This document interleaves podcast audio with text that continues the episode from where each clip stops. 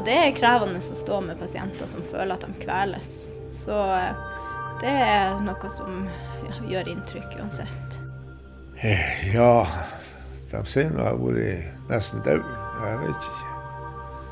For jeg har ikke De sjukeste dagene jeg var ikke med, nesten.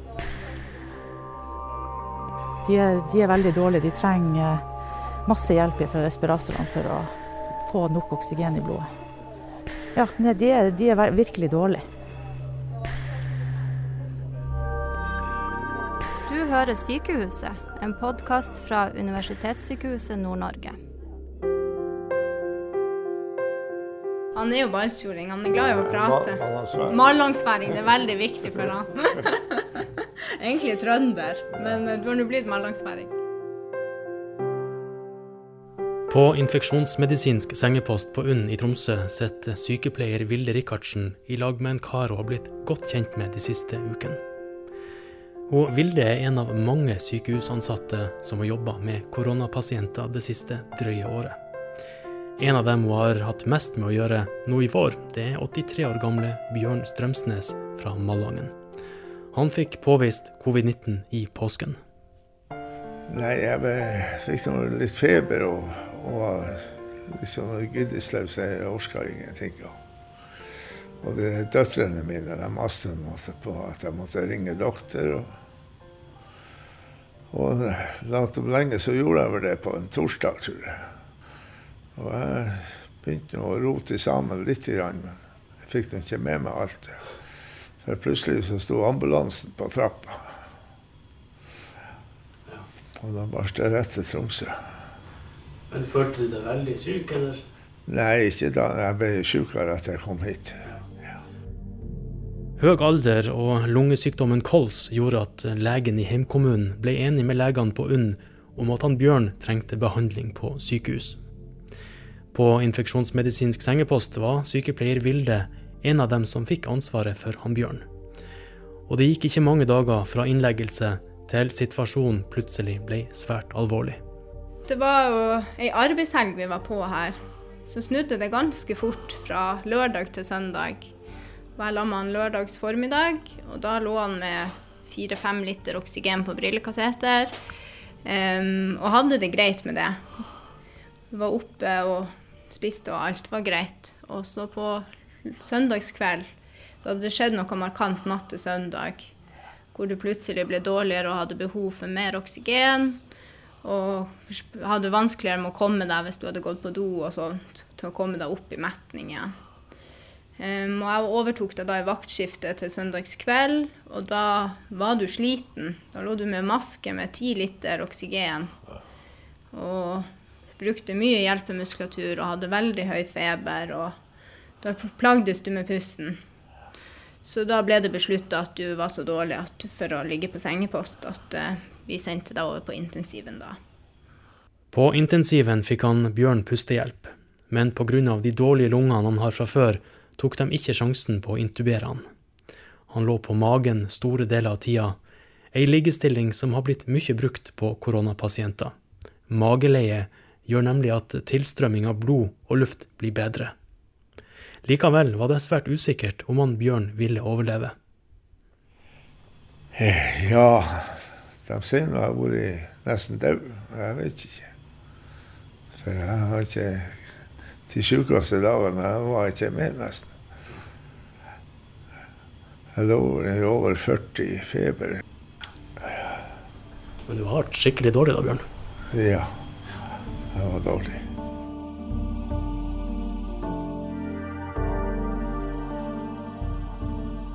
Heldigvis gikk det bra med han Bjørn, og etter noen dager på intensiven kom han tilbake til Vilde og de andre på infeksjonsmedisinsk sengepost. Nå har du vært der en måned. Ja, er du lei? Nei. Steller seg godt med meg. Ja. Hva syns du om det? Ja, det. Nei, jeg syns det går fort. Jeg vet ikke. Du får lov å si hva du vil, jeg blir ikke Jeg tar meg ikke nær av det. Du er så gøy, Vilde. Han Bjørn er en av drøyt 80 pasienter som siden mars 2020 har blitt behandla for korona på Universitetssykehuset Nord-Norge. Tre pasienter har dessverre gått bort. Den første tida var det i hovedsak eldre pasienter med underliggende sykdom som ble lagt inn, og de fleste av de her havna på intensiven. Den siste tida har koronapasientene vært yngre og friskere, og ofte klart seg med behandling på infeksjonsmedisinsk sengepost. Hvilken type hjelp er det dere kan gi de, altså de, de som ligger på intensiven? Da vet du ofte at det er respiratorer. Men, men når de ligger hos dere, hvilken eh, hjelp kan dere egentlig gi koronapasientene? Det er hovedsakelig oksygen. Eh, og så har vi òg på de verste pasientene gitt steroider. Eh, men det er hovedsakelig oksygen som vi kan gi, og da er det opptil ja, liter på maske, da. Kanskje opptil fem-syv liter. Men da er det fare for at de får opphopning av CO2 i blodet, så da er det litt skummelt og trenger kanskje mer overvåkingsnivå enn hva vi kan tilby på sengeposten, da. Mm. Så regner jeg med dere har lært en del i løpet av det siste året òg? Ja, vi har lært masse. Og i starten ble jo de aller fleste pasientene satt på antibiotika i forløpet, og det gjør de jo ikke lenger. For vi har jo sett at få får bakterielle infeksjoner i tillegg. Generelt i covid-sykdom så er det jo at mange får følelse av å ikke få nok luft. Og det er krevende å stå med pasienter som føler at de kveles. Så uh, det er noe som ja, gjør inntrykk uansett, tenker jeg. Mm. Ja, hva gjør man da? Ja, hva gjør man da? Nei, det, det er jo å gi eh, oksygen, eh, sørge for at de har godt leie, kommer godt opp. Gi gjerne litt forstøvermedisiner hvis det sitter slim og sånt, og få løsna opp. Og så er det liksom det vi kan gjøre på sengeposten. Gi god pleie, liksom. Og, men eh, og når det ikke strekker til, så er det jo intensiven som har vært neste, neste steg i prosessen. På intensiven er intensivsykepleier Marit Nyhus en av dem som har tatt imot de aller dårligste covid-pasientene. Opptakene du nå skal få høre, er fra våren 2020. Da fikk jeg være med Marit på ei vakt inne på koronaintensiven, som på den tida var organisert som en kohort der alle koronapasientene lå samla, og de ansatte måtte gå med fullt smittevernutstyr hele tida. Den dagen jeg var innom, lå det tre pasienter inne på kohorten. Alle tre i respirator med en uviss skjebne foran seg. De er, de er veldig dårlige. De trenger masse hjelp fra respiratorene for å få nok oksygen i blodet. Ja, de er, de er virkelig dårlige. Knitringa du kanskje hører i bakgrunnen, kommer fra plastposen som opptaksutstyret mitt måtte pakkes inn i før jeg fikk komme inn. Og den litt ulne lyden skyldes åndedrettsvernene både jeg og Marit har på oss. Hva er det som har overraska deg mest med de her pasientene? Det er jo at mange av dem kommer hit, og er, mange av dem er jo relativt unge. Jeg vil jo ikke si at en 70-åring er gammel i dag. Sånn at, eh, og mange av dem har ikke så veldig mange underliggende sykdommer. men eh, og det at de kommer hit, Noen av dem er faktisk ikke så dårlige. De er dårlige når de kommer, men de føler seg kanskje ikke sånn kjempedårlig. Og så går det, Noen av dem har det bare gått kanskje timer, så er vi nødt til å hjelpe dem med pusten, at de ikke orker mer. At vi er nødt til å intubere dem, at de må legges i respirator for å få hjelp.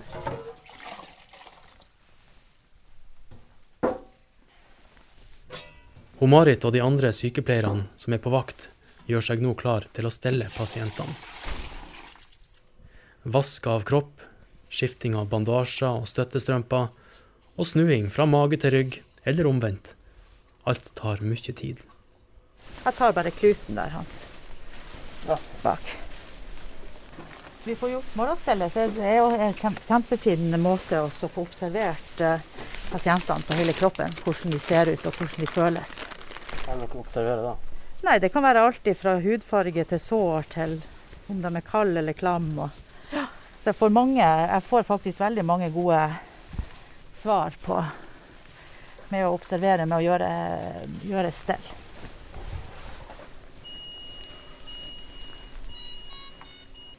Nå tar jeg bort en alarm, for vi er litt vaksinerte mot alarmer. Både for vår del og for pasientene sin del. Så alle alarmer på skopet er jo stilt inn for vår del. Ut ifra ja, de observasjonene vi gjør, så, og ut ifra de forordningene vi gjør, så stiller vi inn skopet, sånn at vi får alarmer hvis noen ting skjer. Men så er det av og til noen alarmer som vi ikke trenger å ha. Blant annet nå så ser jeg på temperaturen. Jeg trenger ikke ha alarm på temperaturen. Så bare slår jeg av den.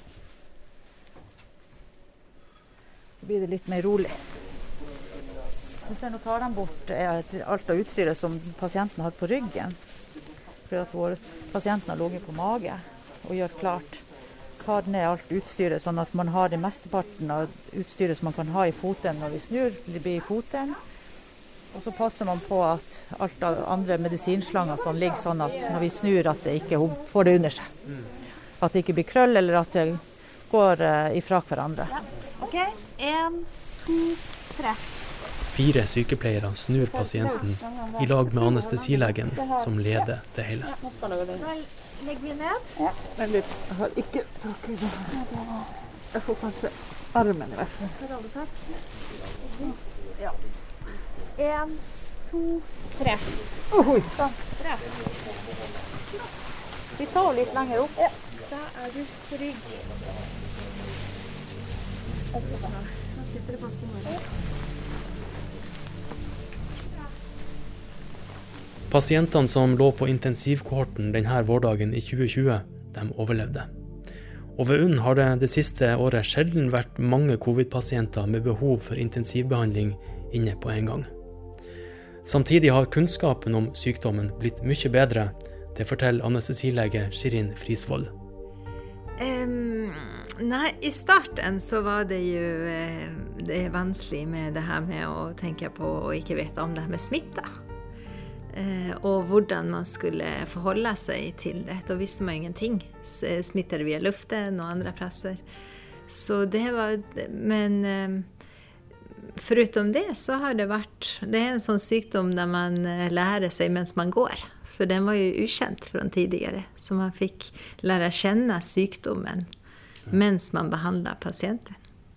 Men den usikkerheten du, du kjente på, hvordan hva, hva, gjorde det med deg? Altså, blir man engstelig? Altså, hva, hva, gjør det med deg? Jeg tror det som jeg var mest engstelig over, det var eh, det her i forhold til å være redd for å smitte andre, andre pasienter. For det som anestesilege så går man over hele huset, og iblant er det akuttsituasjoner. Og det å sikre at man gjør nytte for seg og ikke råker smitte noen annen, det, det var det som var mest Eh, men altså, vi er såpass trygge i måten å behandle respirasjonssvikt og, korona på, så at selve behandlingen i seg, det var, det var greit å stå i. Ja. Mm. Utover året som gikk i fjor og, og inn i 2021, senka man litt skuldrene da når man ble mer trygg på prosedyrer og behandlingsmåte? Eh, ja, ja på, på, en måte så var det jo det. Man ble mer kjent med sykdommen, ble, og, men primært så ble man jo mye mer kjent med smitta og smittevernet. Eh, men de som blir syke og havner hos oss, de blir ordentlig syke. Så det er fortsatt en usikkerhet rundt liv og død og hvordan det skal gå, og mye jobbing og mye kontakt på kvelder og vakter også utenfor jobb med, med kollegastøtte og råd og samtaler rundt behandlingen. Men selv om anestesilege Shirin og intensivsykepleier Marit har blitt mer og mer trygge på hvordan de skal behandle koronapasienter, så innrømmer de at det har vært ei krevende tid, med mange sterke inntrykk. Ja, det som har gjort mest inntrykk, eller det som kanskje også har Det er familiemedlemmer som er innlagt samtidig. Det har jeg tenkt mye på når de ligger midt imot hverandre. Hvordan hun, føler de det i å se den andre som man elsker så høyt, være så syk. Samtidig som man skal ha reserver til å komme gjennom egen sykdom, så er man jo mån om den andre. Så familiemedlemmer, det, det gjør mye inntrykk. Mm. Og det andre, det er det som har gått bra.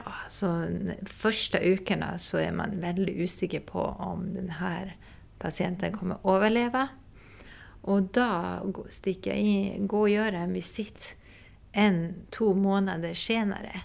Og møte en som snakker, spiser, er fornøyd og ser helt annerledes ut i at de holder på å bli frisk. Det er også en stor, en stor ting. Ja. Mm. Det at vi ikke kunne ha pårørende inne, vi jobber jo veldig tett med pårørende, egentlig. Det er jo en veldig stor del av jobben min er jo egentlig pårørendearbeid. Og det der å ta vare på de også oppi denne situasjonen, og det at ikke de fikk lov å komme inn og se sine Når pasientene begynte å våkne, så vet vi jo at det betyr kjempemye for dem å ha, høre kjente stemmer. De hadde ingenting, det var bare oss som sto der som noen holdt på å si, roboter. som så veldig rare ut i alt. De kjente oss ikke. Bare så øynene våre. Så det, det, det syns jeg var tungt. Eh, og ikke kunne liksom ha det pårørendearbeidet som vi hadde, og det å bare snakke med pårørende på telefon. Og av og til så prøvde vi ikke sant, det her med å FaceTime eller sånne ting, men det blir ikke det samme. Det gjorde inntrykk, det der å se hvor redd de er hjemme. Mm. Er, er, er, dere litt tilbake til normalen? Altså, hvor mye tenker du på covid i dagen, daglig nå? Jeg tenker nesten ikke på covid i det hele tatt. Det er litt, nesten blitt en del av normalen, som du sier. Vi, vi, jo, vi bruker jo mye mer smittevernutstyr i dag enn det vi gjorde for et år siden. Bl.a. munnbind går vi jo med hele tida. Sånn, det er ikke sikkert at vi trenger det, men vi gjør det for at, både for at det har blitt en vane, og for, at, for å beskytte oss og pasientene. Så ting er liksom bare blitt en innarbeidet vane. Ja. Eh, sånn at det, det, er ikke noe som vi går og tenker på. Det gjør vi ikke. Og det er ikke den store Altså vi, De gangene vi har fått meldt covid-pasient, så blir vi ikke jeg håper å si, i gåsøya livredd.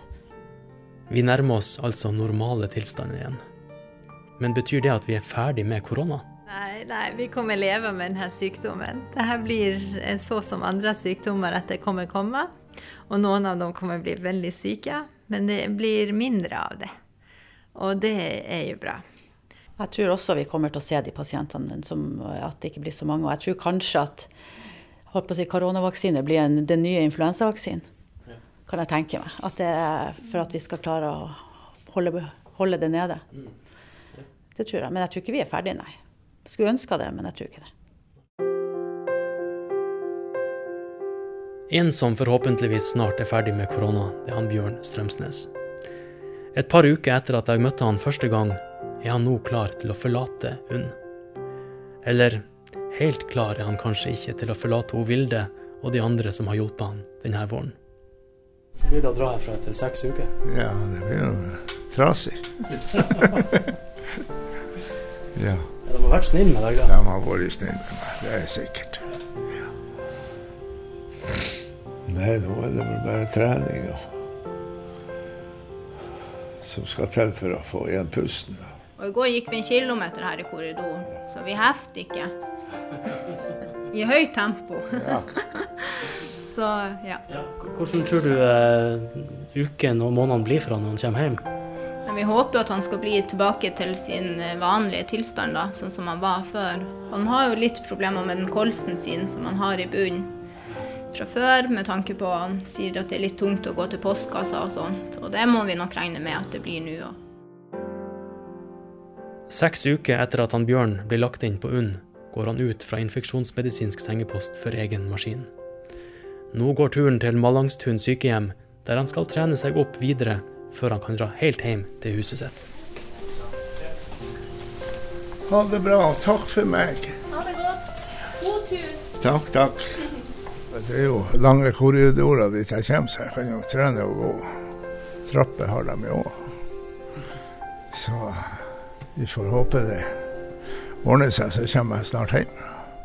Du vil helt hjem nå fort? Ja, det er borte bra, men hjemme best, ikke det? altså.